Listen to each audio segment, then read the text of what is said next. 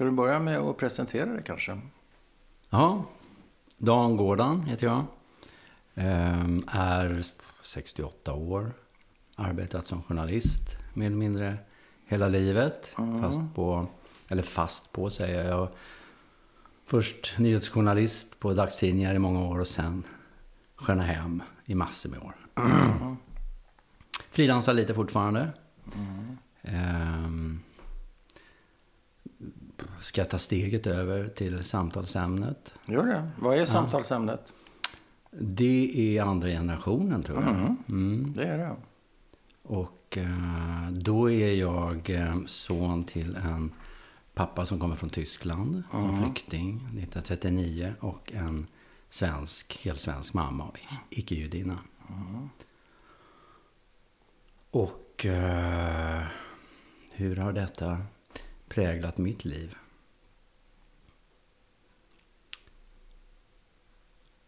Det har det gjort. Det har det. Det har det gjort på olika sätt. Jag tänkte, du sa alldeles innan du satte på knappen här, att alla har en historia eh, och att alla är påverkade. Och då så kom jag att tänka på en bok som kom 60-talet, 70-talet. Gustav Jonsson som var på Skå. Skå Jonsson. Skå Jonsson, han skrev en bok som hette Sociala arvet. Just det. Och det är väl precis så att det är liksom i tre generationer det handlar om.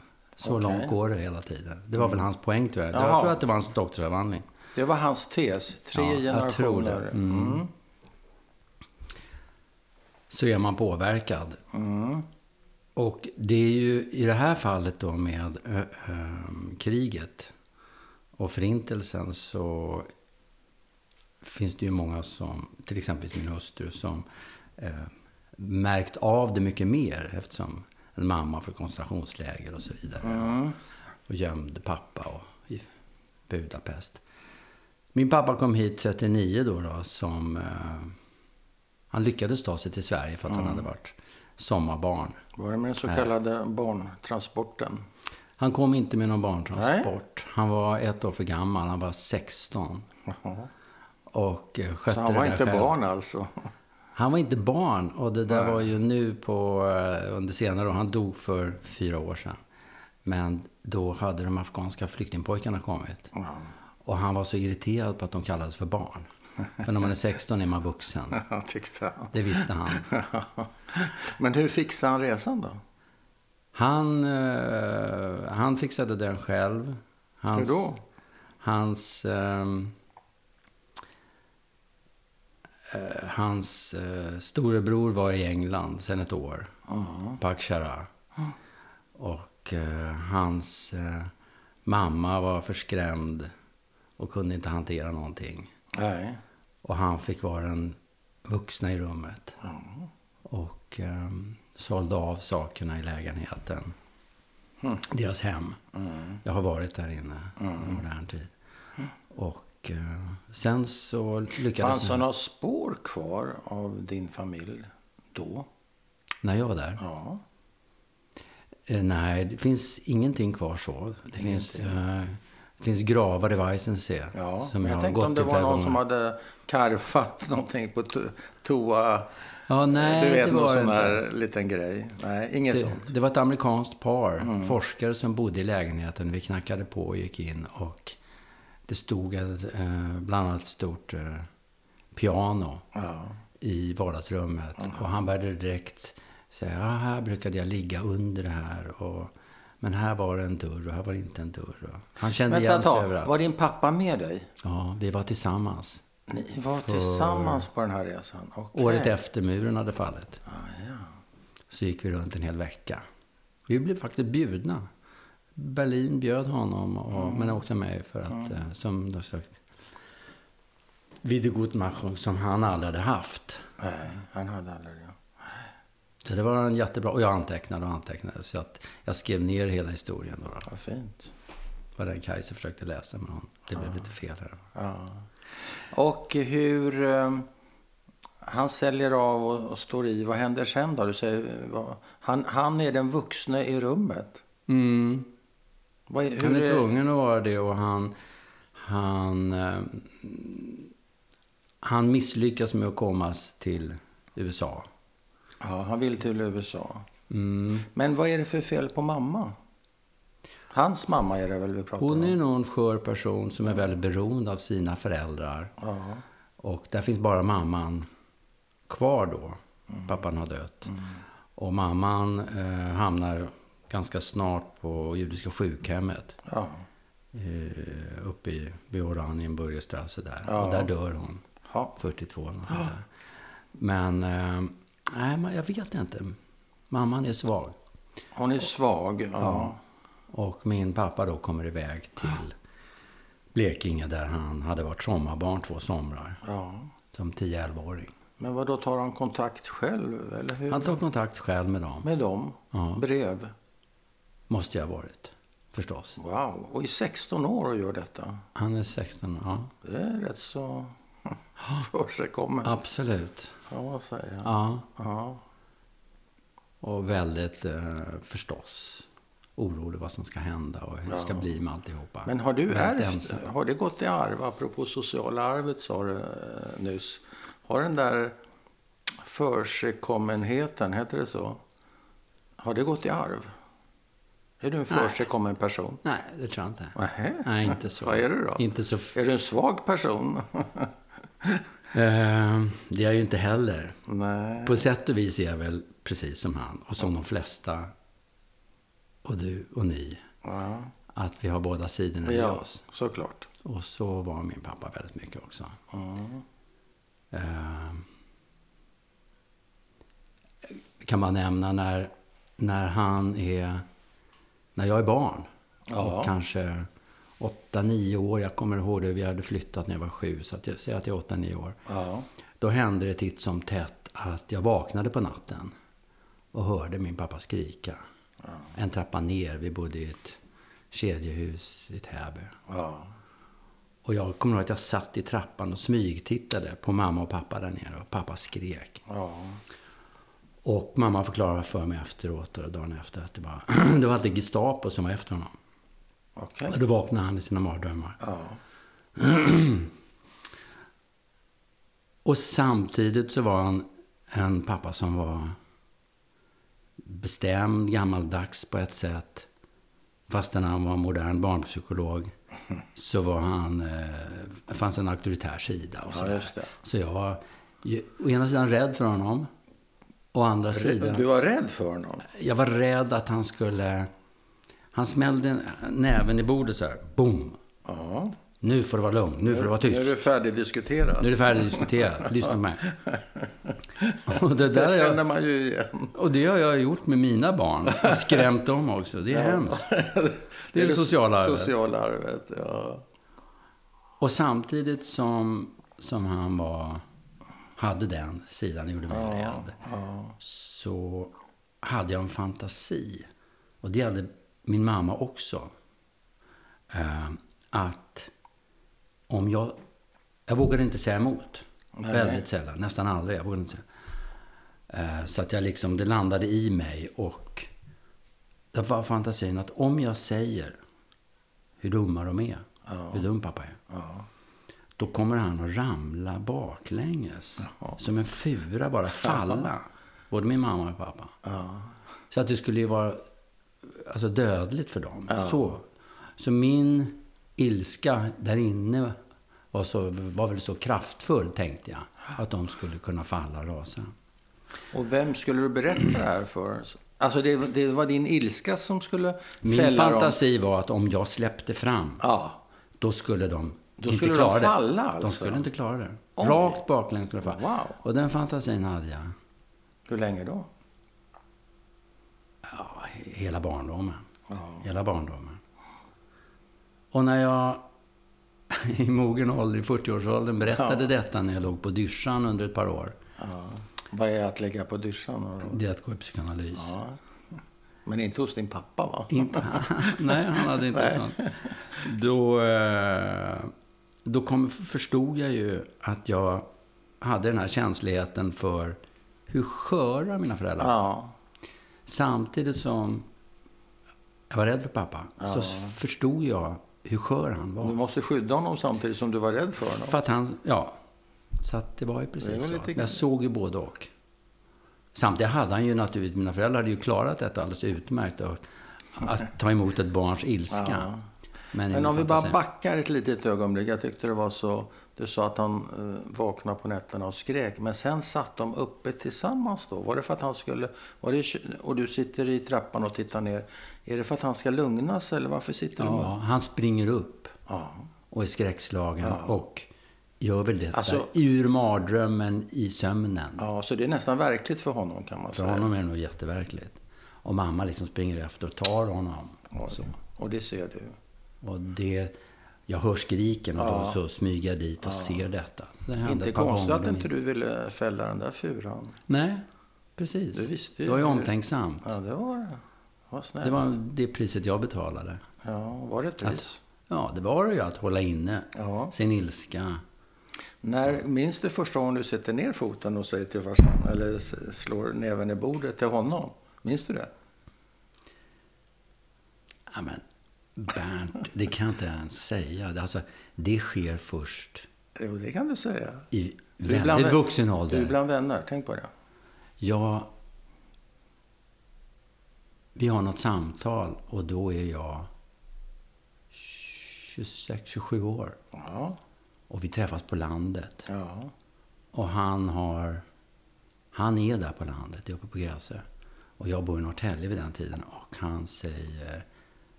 Jag vill att du kommer. ja. Och jag åker upp och sen så står vi där på gården och säger sanningar till varandra. Han tycker inte att jag har brytt mig om honom. Jag hör inte av mig. Jag har distanserat mig på olika sätt. Och så. Du levde Och- ditt liv helt enkelt. Jag lever mitt liv Ja. och han är väldigt, en väldigt känslig och Ja, sensibel skör person. Han lägger märke till allt sånt här. ja, Och han vill ju ha kontakt med sin son. ja. Och eh, då står vi där och gråter båda två på gårdsplanen. Och säger saker till varandra. Och, så det är ett väldigt gripande ögonblick i bådas liv tror jag. ja, Och sen faller vi i varandras armar. ja. Sen skulle jag säga att vi nog har haft en väldigt nära kontakt Ja. resten av livet. Så det var en sån definierande tidpunkt, kan Ja, man säga det? Eller absolut. ögonblick heter det. Ja. Men när du säger att jag var så gammal, då tänkte jag så här, men eh, Dan var nog 40 år och så här. Du var ju bara 27. Det är ju tidigt ju. Som ni når fram till varandra. Mm. Ja, men om- då, och då utgår jag bara från mina egna erfarenheter. Jag tycker det är tidigt. Okej. Det kan man, vara olika. Mina barn har kunnat bråka med mig när de var 10 och 12 och 14. Ja. Det, det är väl det jag hade önskat mig Ja, själv. ja. Men jag kommer till dem i nästa eh, podd. Ska vi, Ja. Får vi höra. Om Sanningen, det var, om den det var, sanningen. Om det var riktigt så. Så enkelt. Det är ju så. Mm. Ja, så ni faller varandra i... Kommer du ihåg vad det säger då? Vad är det du har på hjärtat? För det är, det är han som bjuder upp. Han är missnöjd och han börjar med att panga på. Och då, då steppar du upp liksom. Och vad säger Jag, du? jag tvingar, nej, jag minns inte vad jag säger, men det är han som tvingar in mig Ja. att, att prata ja. allvar. Det är inte, inte på ditt initiativ givetvis. nej. Han, han har ju ringt. Han hade den eh, förmågan i livet att... Eh, min äldsta dotter brukar, brukade säga att när farfar träffar mig, då säger han så här. Hur mår du? Hur mår du alltså egentligen? Ja. Och det där är ett talesätt i familjen sen Ja. dess. För då började den dottern Rebecka började ofta liksom tåras lite i ögonen när Ja, hon sa så. ja. För att det lockade fram de där sidorna. Ja. Prata allvar. Så han var väldigt duktig på det. Ja. Var, han- var han manipulativ skulle du säga? I, i, i familjesituationen? Nej, inte alls. Inte alls? Nej. Nej. Nej. Utan det var med goda En avsikter? förmåga att, att direkt få samtalet att handla om allvarssaker. Ja, och det var med goda avsikter? Men absolut. Ja. Allt annat var han ointresserad av. ja. Man kunde aldrig prata eh, Melodislagerfestival eller, Nej, nej. eller fotboll eller någonting. Nej.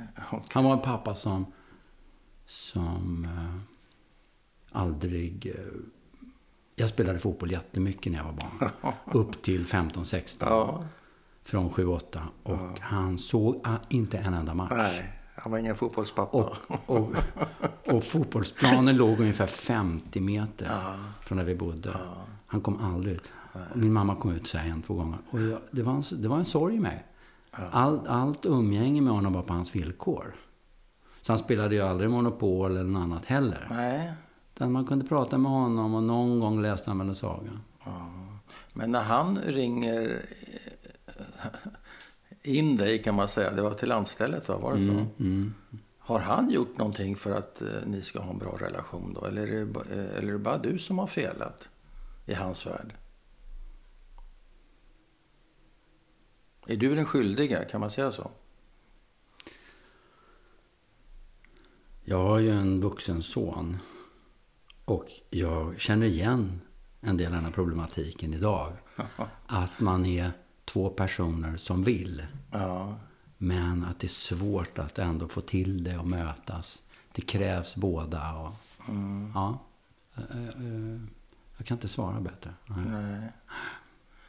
Och vad, vad gick det där... Jag är nyfiken på det där samtalet. Står ni på tunet och pucklar på varandra där tills ni Mm. Nej. börjar gråta? Nej, står- Förebrår varandra? Förebrår varandra. Ja. Och, och det, Är det lugnt och civiliserat? Ja, eller? ja, det är lugnt och civiliserat. Inga tacklingar och... Nej, Nej, nej. nej. Så det är kontrollerat samtidigt kan man Ja, säga. och, och f- naturligtvis Snällt.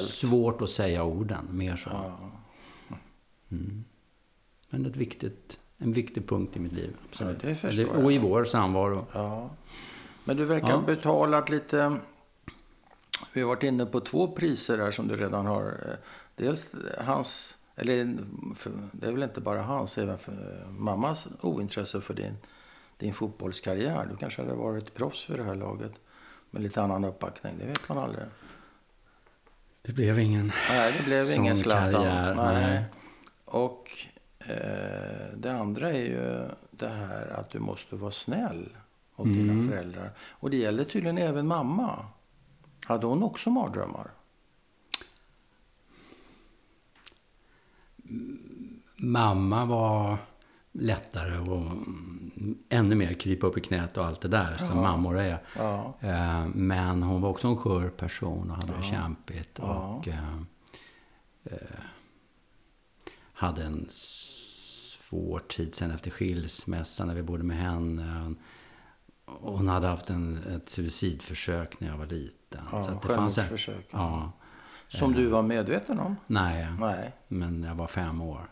När får du reda på det? I vuxen ålder. Och det är ganska chockartat. För Ja. det är sådär att jag...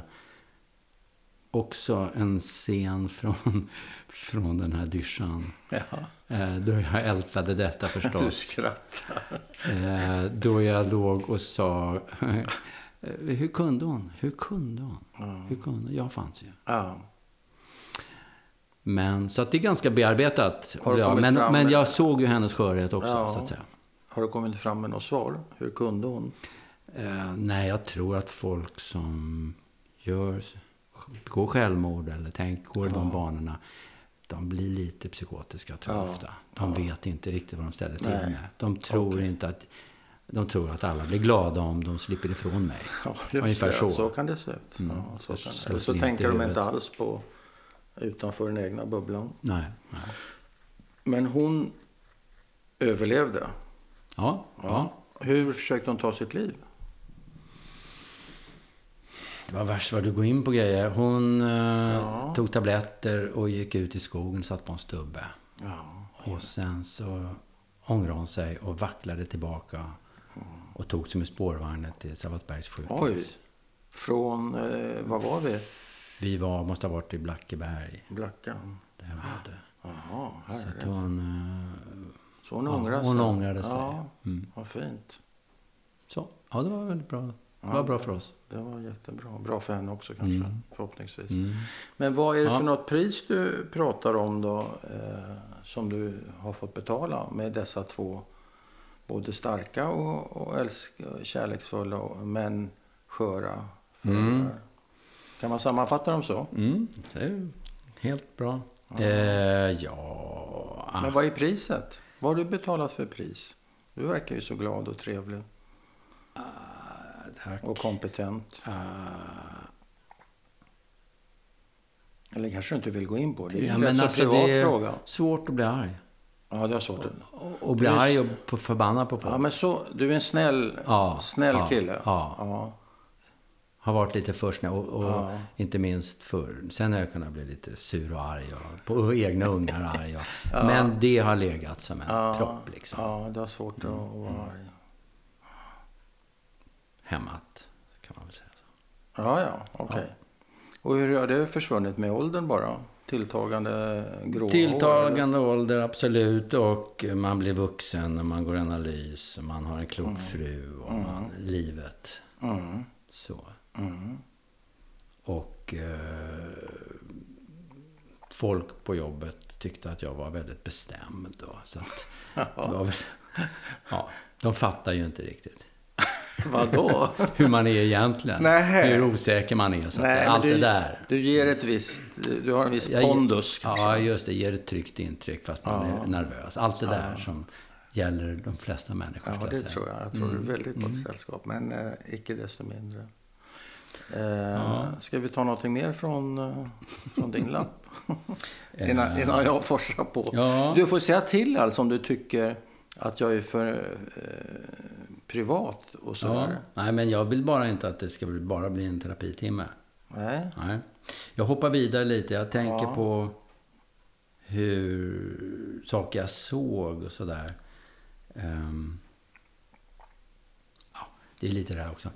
Relationer man, man ser med en, en pappa som då hade mardrömmar. Och sen kommer jag ihåg en sån här resa vi gjorde ner till Italien när jag är 12 år eller någonting. Mhm. Och eh, hur pappa kör vår, den gula Taunusen och inte vill stanna i Tyskland. Nej. Och sen kommer Ni vi bilar igenom Vi bilar- Tyskland på väg till Italien. på väg till Italien och som jag minns stannar vi inte. Utan, Är det så? fast det verkar ju orimligt. Ja, det verkar... Jag minns att vi kommer precis i alla fall, vi kanske gör det någonstans, men vi, sen kommer vi över precis på österrikiska gränsen. Och där tar in på något litet sån här eh, traditionellt litet hotell uppe i bergen. Och min, mina systrar och mamma stannar på rummen och sådär. Och jag går med pappa ner till bar, den lilla hotellbaren. Det här är sån här österrikiskt hytte liksom. Alltid. Och där står lite gubbar och dricker öl och pappa tar någon öl, jag får någon Coca-Cola. Och sen så säger pappa liksom, det tar bara fem minuter, så här, nu går vi. Och, och jag fattar ingenting, vi får lämna min Coca-Cola och så går vi ut. Och så säger pappa, jag, jag klarar inte, så Nej. De pratade bara minnen från östfronten. Ja. Det var, och, och detta är ju då 60-tal, så det är ju män som 20, det är liksom 20 år efter kriget. Så de är 40, 40 50 år. Ja. Mm. Och de har många fina minnen. ja, det är klart. Och det stod de och pratade om. Så då ville inte han finnas i Och var det han, rummet. of, var han oförberedd på detta? Att han, det, både Han trodde väl att han kom över till Österrike så skulle men det vara lugnt, herregud, liksom. Österrike. Ja, ja, ja. Men det var han inte beredd inte. på. Nej. Så vad gör ni då? då? Nej, vi gick upp på rummet. Gick Så upp på det. rummet. Jag bara kommer ihåg detta. med Förvåningen liksom. Och varför kunde han inte tänka sig att stanna i Tyskland? Uttryckte han det? Han, eh, han pratade... Han ville pratade ju aldrig tyska med mig. Jag lärde mig inte tyska. Han hade, han hade vänner från Tyskland, men de var ju judiska vänner. Som kom hem eh, titt som tätt. Och de spelade poker, han hade någon han alltid spelade schack med. Jag satt alltid bredvid och tittade och spelade schack och sådär. Och då mumlade de väl på tyska ibland, men egentligen så var det också män. De blev... De ville vara svenska. De var ju det som kallas för jäcke. Ja, Eh, tyskar. Tys- tyska judar. Tyska judar, väldigt emanciperade. Ja, ordningsamma och Ordningsamma. moderna och så. Men eh, hade han aldrig någon tysk bil då under de här åren? Taunus är väl en. Ford va? Folka först, for, Ja. for, absolut. Han körde en tysk bil. Ja. Så det hade han inget, han, han Nej. hörde inte till den. Det finns ju sådana som aldrig skulle köpa en tysk bil. Han läste Spielberg skulle aldrig köra Merca, läste någon. Ja, Eh, han nej, så att han var inte Han var inte renlärig Nej. på något sätt sådär. Och han åkte med sina, med mamma någon gång till Tyskland och visade henne platser också. Så att det skedde någon gång. Men eh, hur var hans svenska då? Var den felfri eller var den med kraftig brytning? Han hade absolut en brytning. Jag hörde ju inte det. Du hörde inte det? Nej, jag hörde aldrig det. Men han, absolut så hade han en brytning livet igenom. Men eh, annars, svenska blev hans språk. Ja, men och så- var han i Tyskland så sa han, ni pratar br- bra tyska. Ja, just Så det. blev det. Men det var inte så att han berättade sin historia inför, inför tyskar inte. Nej, nej. Men, och du lärde dig inte tyska som ett litet eh, bonusspråk då, på det här sättet? nej, jag försökte i skolan och Ja, det blev inget bra. Men inte av honom, men inte det minsta. Mm. Sen så... Jag hoppar fram lite bara. Tänk Jag på- hade bara en Ja. fråga med anledning av detta.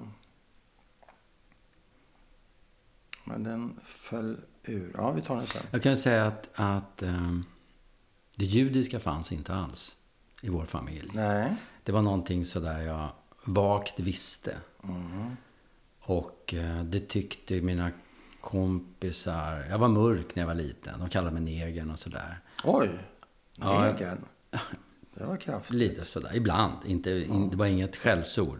Vad tyckte du om det? Det var inget Ja, det var okej. skällsord. Jag var liksom Det betyder att du var tyckte- mörk. Ja, just det. Ja.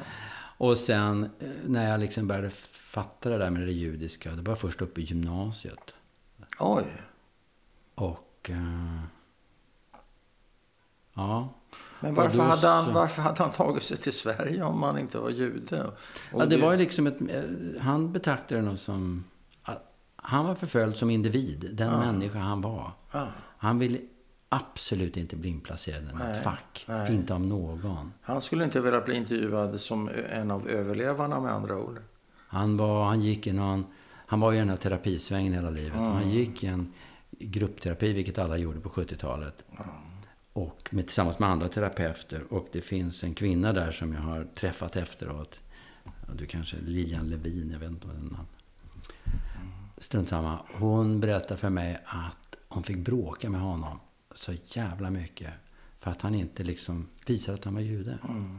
Att han inte stod upp för det. Så när, Så så var det. när trillade den polletten ner? Sen trillade den ner. För dig? Alltså den, Och hur? någon gång på gymnasietiden. Men Ja. jag är ute. Jag har kommit hem från en sån här liftarresa med min första tjej. Mm. Sommaren 70. Alltså jag är 17 år. Ja.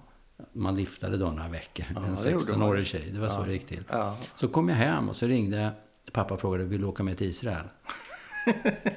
vi, åker på, vi åker på lördag. ja. Och då var det så att hans fru som skulle åka med, de skulle på en, eh, någon slags psykiatrisk... Hans nya fru alltså. Hans nya fru. De skulle på en psykiatrisk konferens i. Jerusalem. Och hon var tvungen att stanna hemma med något vanartigt, en av sina barn. Ja, okej. Så att fem dagar senare så åker jag med pappa och för hela resan heta, eller hela den här veckan heta Dr. Palmgren. När vi åker runt med buss och sådär. Du är doktor Palmgren. Han var Dr. Palmgren. 17 år gammal. Ja.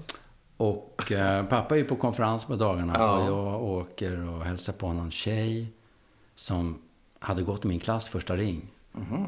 Och eh, eh, Clara Günther, och, som jag var jättetajt med. Och hon hade dragit till Israel. Mm. Och jag hade hennes adress. Så jag hade gjort upp att jag skulle åka och hälsa på henne. Och kom dit och eh, sträcker ut armarna. Och så kramar henne och hon backar.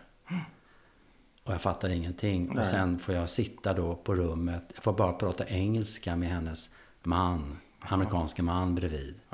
För hon är på en religiöst Ja. ställe. Hon, och är jag, orto- hon är ortodox. hon har blivit ortodox där. Ja. Och jag har inte träffat henne sedan dess. Det är väldigt sorgligt. Men, men jag fattade ingenting av det här. Nej. Det var liksom totalt nytt och skrämmande. Ja. Så tog jag den där cherouten tillbaka. Och sen så ägnade jag mycket tid åt att gå runt och titta. Och med pappa också på alla museer. Och vi stöter ihop med hans bror där av en händelse. Det är jättekul. Som bor i England. Jaha. Och eh, då väcks mitt intresse. Och det är liksom... Och vad tänker du? Jaha, jag är jude, eller vad tänker Ja, du? det bubblar upp. Och jag är Ja. inte så, det är inte så mycket att vara jude, för det har jag fortfarande inte fattat. Nej. Utan, och det är definitivt inget religiöst, utan det är Nej. en koppling till Israel. Ja, som blir ja. viktig för mig. Ja. Så att eh, jag börjar läsa Köstler, natt klockan 12 på dagen. Ja. Tjuvar om natten menar jag. Tjuvar om natten. Och eh, ja, blir intresserad av detta. Då blir du sionist. Inte aktivt. Men det jag ser till att men, göra, det eh, är att Känslomässigt, Känslomässigt, ja absolut. Stark, Stark känsla. bindning sådär. Ja. Och eh, se till att ganska snart efter där, Men pappa är inte sionist. han är nog det hela livet. Ja. Men Fast han är i smyg. Men han är inte jude. Nej, men Nej, i smyg men han så är. Israel jätteviktigt Ja, för honom. okej. I smyg. Ja. Mm. Knepigt. Så där sås ett frö då. Det sås ett frö och sen så tar det mig vidare att jag spejar efter judiska tjejer. Ja, ja. Det är så du jobbar. Det är så jag jobbar. Ja. Och då, eh, då har vi för sig gått efter gymnasiet, Ja. efter studenten. Ja. Där träffade jag en tjej som jag flyttade ihop med sen. Och då är första gången som jag kommer hem till en judisk familj i Stockholm. Eh, en, en eh, fredagsmiddag Ja. med silverljusstak. Jag hade sett något liknande. Hur går det här till? Eh, och får lite sånt um. Jag kommer till något ställe som heter Centris judiska. Hade aldrig, visste inte att det fanns någonting sånt. Någon jävla källare där man ska ha disco och sådär. Ja, vad tyckte pappa om eh, allt det här? Hela livet igenom så han sagt, varför gör ni det här? Ja. Va? När jag och min fru Eva, eh, när vi får barn, Ja. så tar vi upp tråden och tänder lite ljus på fredagskvällen. Försöker lite det som kallas för, eh, Lasse Dencher kallar för det juda. Alltså göra vissa grejer, för att, även om man inte är troende. Det hade Och han fattar aldrig någonting. Han, har fattar aldrig någonting. Nej. Och tycker det bara är konstigt. Men är han, liksom, är han kritisk eller mera bara sådär? Han han tycker det är jätteknäppt. Ja, knäpp. Knäppt sådär. Hur känns det då? Det var inte så jävla viktigt vad han tyckte då. Han, han, han jag kunde bara konstatera, han förstod inte. Nej. Han förstod inte. Det var för långt från hans verklighet. Han är så fullständigt ateistisk. Och det var min, det är jag också i och för sig. Men eh, var det, gick det inte att ha honom i möblerade rum? Kunde ni inte bjuda hit honom på en eh, fredag shabbatmiddag? Det skulle inte funka. Nej, Då skulle han stå och himla med ögonen bara. Ja. Mm, så det blir inget trevligt. nej. Så det gjorde vi nog aldrig. Det gjorde man inte då. Nej, det är klart. Nej, nej. Utan allt det judiska som uppstod i och med att jag gifte mig sen. Eh, det var då med min frus föräldrar. Ja, det var deras fel. Där, där, där fanns det där. Ja, men i din pappas värld kanske då? han inte kanske alls. tillskrev det. De menar jag. Att det var... Att de hade lurat in oss ja, på den där Att det är de där breda vägen. fel. Jag vet inte. Nej. Inte vet jag. Men ehm, det var Israel, ja. När blev du jude då? Du blev sioni- Först blev du sionist, sen började du jaga judiska brudar. Okej. Mm. Och vi åker till Israel. Är det där jag. någonstans när ni börjar eh, ställa fram en bägare och Nej. en macka? Utan det här det här är en annan tjej som jag var ihop med i två år. Okej. Och vi, hon har släktingar i Israel och vi åker dit. Och, och det blir oktoberkrig medan vi är där. Och springer och gömmer oss. Och, Ja.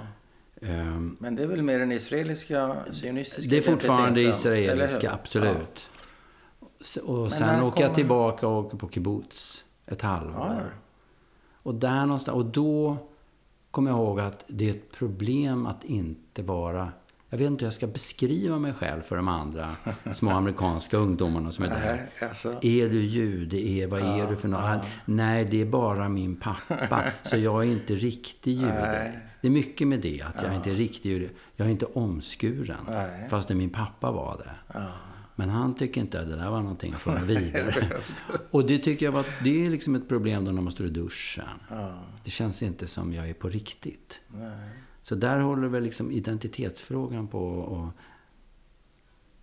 är besvärlig för mig kan man säga. Inte plåga, besvärlig. Eh, ja. Så när blir du jude? När känner du dig som jude? Känner du som jude? ja, det gör jag. Du gör det? Det- och, det- och det och blir kan du liksom eh, någonstans tidsmässigt säga att här någonstans? Ja, ja, egentligen när jag får barn. Ja.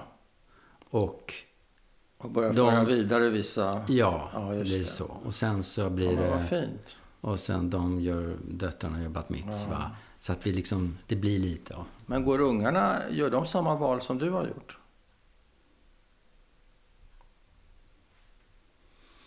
De lever inga judiska liv idag. Men de hänger väl med på en gång om året. Ja, till har, synagogan. de har inte gjort dina, följt dina val kan man säga. Hur menar du då? Ja, men när det gäller det judiska, hålla i traditioner, intressera sig för det judiska. Lite, lite, ja, lite. lite, Ja. Men deras, deras barn är liksom pytt. Så att det får visa sig inom några år om de tänder något ljus eller inte. Men jag tror att de är väldigt identifierade judinnor. Ja, ja, Så. Okej.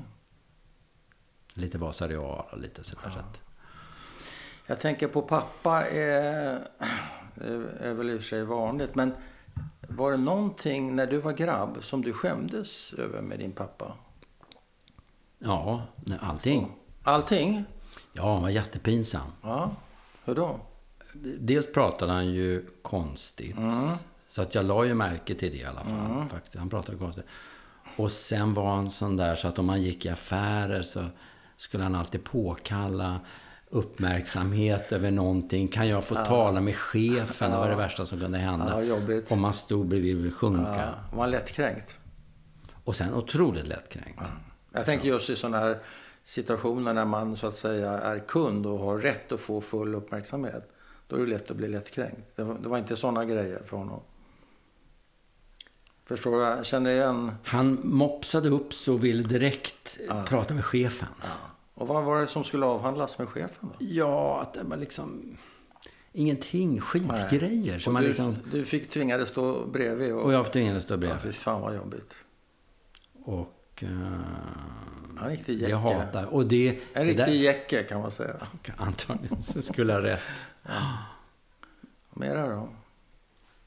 Nej, men han kunde vara... Han, hade inte så mycket distans till sig själv. På alla, gick man i vuxen ålder på restaurang så skulle han alltid liksom hålla på och prata med servitrisen och eh, säga att de var söta eller något annat. Och han kunde liksom inte riktigt fatta vad som var kul för dem eller inte. Nej, nej. Och det var, inte Pinsamt. det var kanske inte viktigt heller för honom att fatta det. Nej, han tyckte att han gjorde något Han hade väl trevligt. sin, ja, sin fulla rätt att Ja. sprida lite, Glädje omkring lite sig. glitter bara sådär. Mm, Ja. All right. Han låter ju som en rätt så vanlig farsa Ja, kanske. precis. Och, och, och ovanlig. Mm. Jävla. Har vi kvar någonting på, på eh, stödlappen, Ehm, tycker du? Jag tänker på... Eller någonting annat du vill säga? Ja, nej, men jag tänker på någonting som jag kanske fått med mig. Mm. Ehm, så...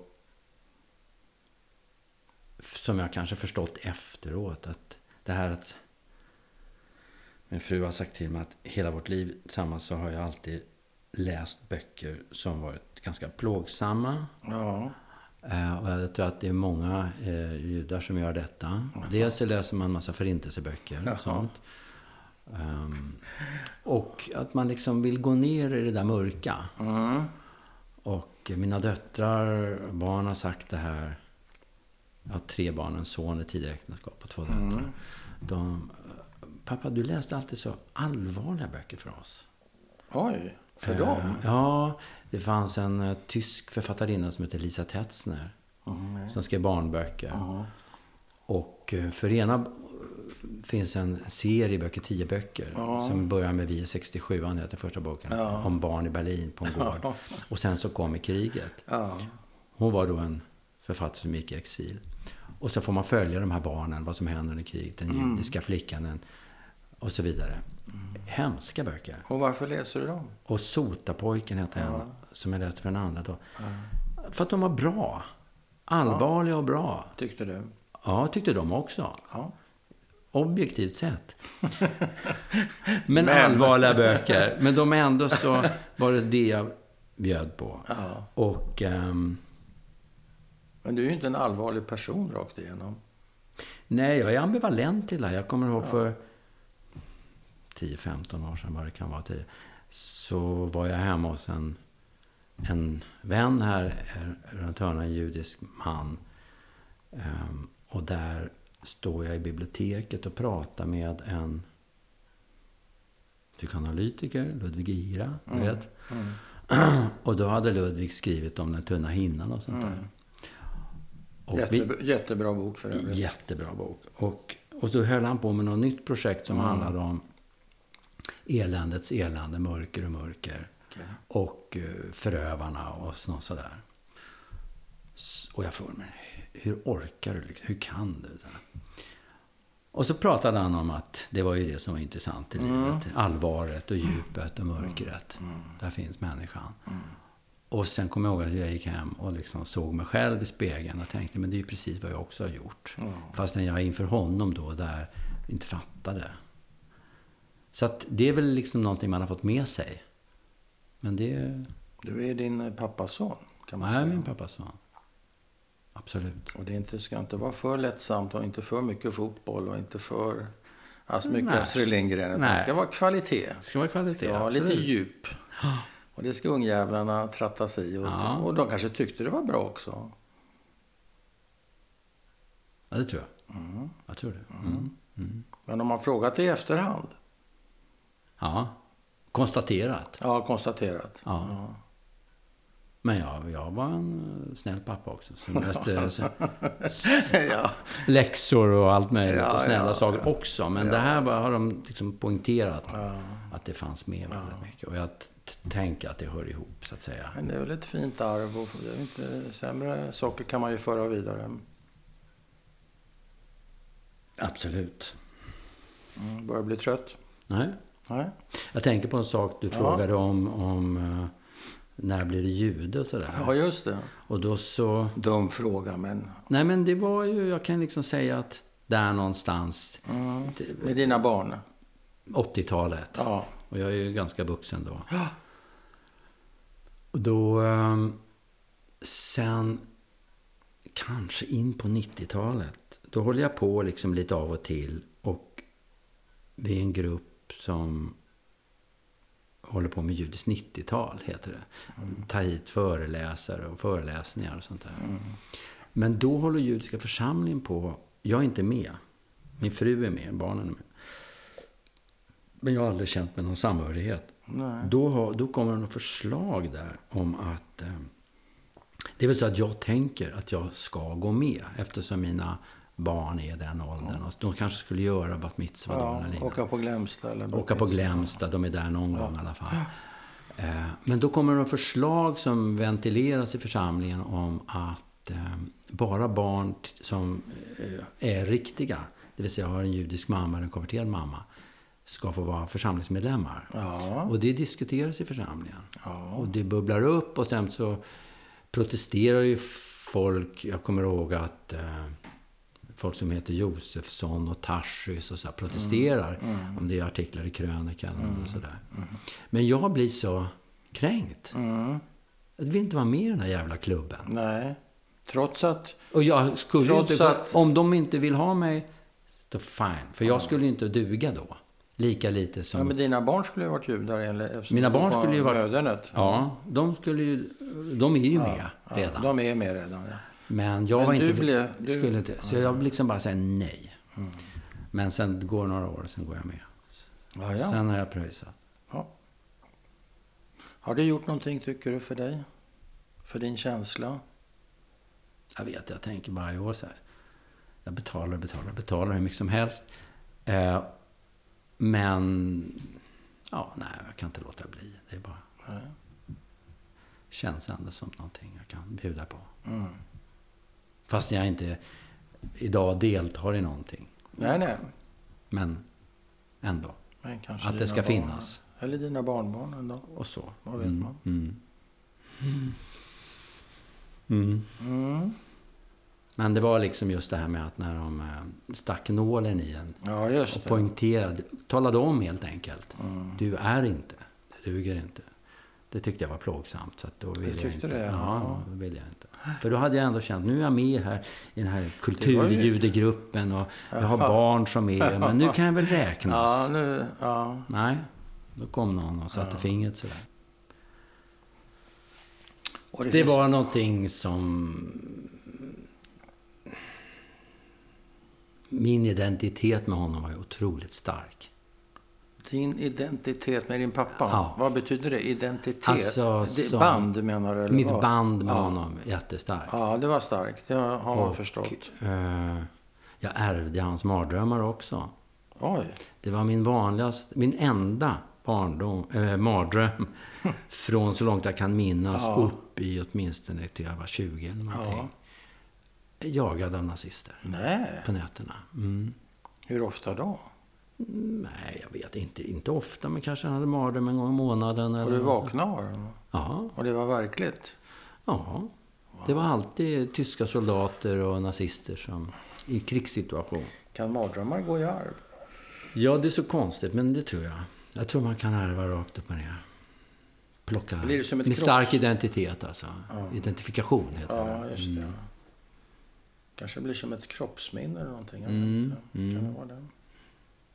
Har ärvt någonting? Och- med? Ja. Och där, och där plockar jag ut det judiska, fast han har inte bjussat på det, så att säga.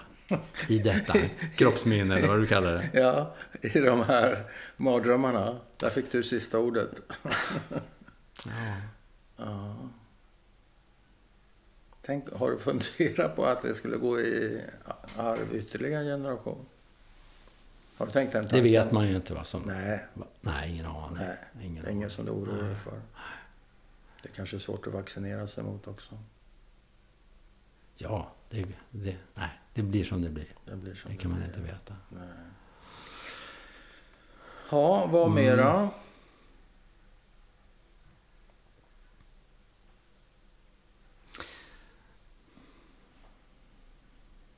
Jag kom på en sak som min syster sa till dig. Hon, det blev lite fel här och var och det är skitsamma. Ja, det ska vi inte korrigera. Det ska vi inte göra. Det är en sak jag tänkte jag skulle korrigera ändå som har med bakgrund att göra. Ja. D- Eh, min pappa hade en styvfar under flera år. Ja.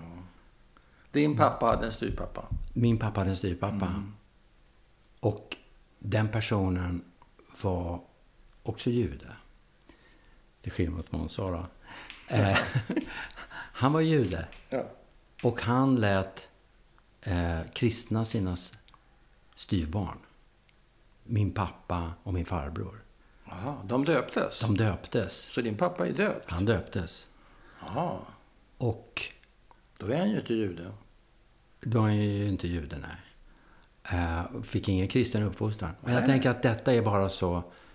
ehm, så typiskt för den tiden. Ja, det är det. Och det är visserligen då, säg mitten, slutet på 20-talet. Ja, I Berlin eller I vad är det? Berlin. Ja, ja, det är Och jättevanligt. han, ska, han, är, han är läkare och han ska verka där. Hur många som helst som gjorde detta. Ja. Och det var ju ett överlevnadsgrepp plus att man är tysk och stolt. Mm. Status. Så att jag tänker att, att min pappas icke-judiska bakgrund förstärktes av detta. Det Liksom, ju att klart. förneka. Absolut. Så att jag tycker det är en del av hans historia, Ja, att det, är den en fanns så. det håller jag med om. så. Oavsett vad som har Och sagts. hans styvpappa, var han också jude och lät döpa sig? Eller missförstod jag dig då? Hans styvpappa var säkert... Var, hade, Den här, är det inte en styvpappa du pratar om? mm, mm, Var han jude från början? absolut. Ja, lät han döpa sig? Eh, Det utgår jag ifrån eftersom han lät döpa sina barn. Ja, för han lät ju dö- döpa Ja. styvbarnen. Ja, Det vill säga ja. din pappa och brorsa, eh, farbror. Medan mamman, hans fru, hon var med i judiska församlingen hela vägen. Så hon gjorde det Också inte. intressant. Mm. Hon ville inte. Hur gick det för dem? Styvpappan och... Styvpappan, ja de skilde sig Ja, eh, efter misshandel och sådär. ja. Och han eh, överlevde kriget som eh, abortör eller någonting på, i Paris, tror jag. Och kom tillbaka sen och, och försökte få ut pengar. Sen vet man inte, sen försvinner spåren efter honom. ja. Och farmor? Och farmor kom iväg med den sista båten till England i augusti. Oj. Hon hade ju en son där. Ja. Och han lyckades, uppe på ministeriet, historien säger att, att när handläggaren i rummet gick ut så drog han pappret och lade det överst i högen på sin mamma. Aha. Så hon kom iväg med båten i augusti 39. Så. Det är sent. Så att, eh, ja. Ja, vad lär vi av detta? Man lär- man- Absolut ingenting. Nej. Nej, jag vet inte. Är du nöjd? Ja. Vill du lägga till något? Du har många afterthoughts och det är bra. Nej, att jag är... Att jag fick en judisk identitet och den är vad den är. Och att Mm. idag så är jag nöjd med den. Jag behöver inte vara mer, jag behöver inte vara mindre. Nej. Du känner dig inte mindervärdig? Inte det minsta. Nej. Nej. Men det gjorde du ju. Det gjorde du, jag. Du var lite osäker var på det judiska Mm, under en period. mm. Men inte nu längre. Så det är ett happy end kan man Mm. säga. Fint. Ganska bra. Ja, ganska bra. Tack så mycket. Tack så mycket.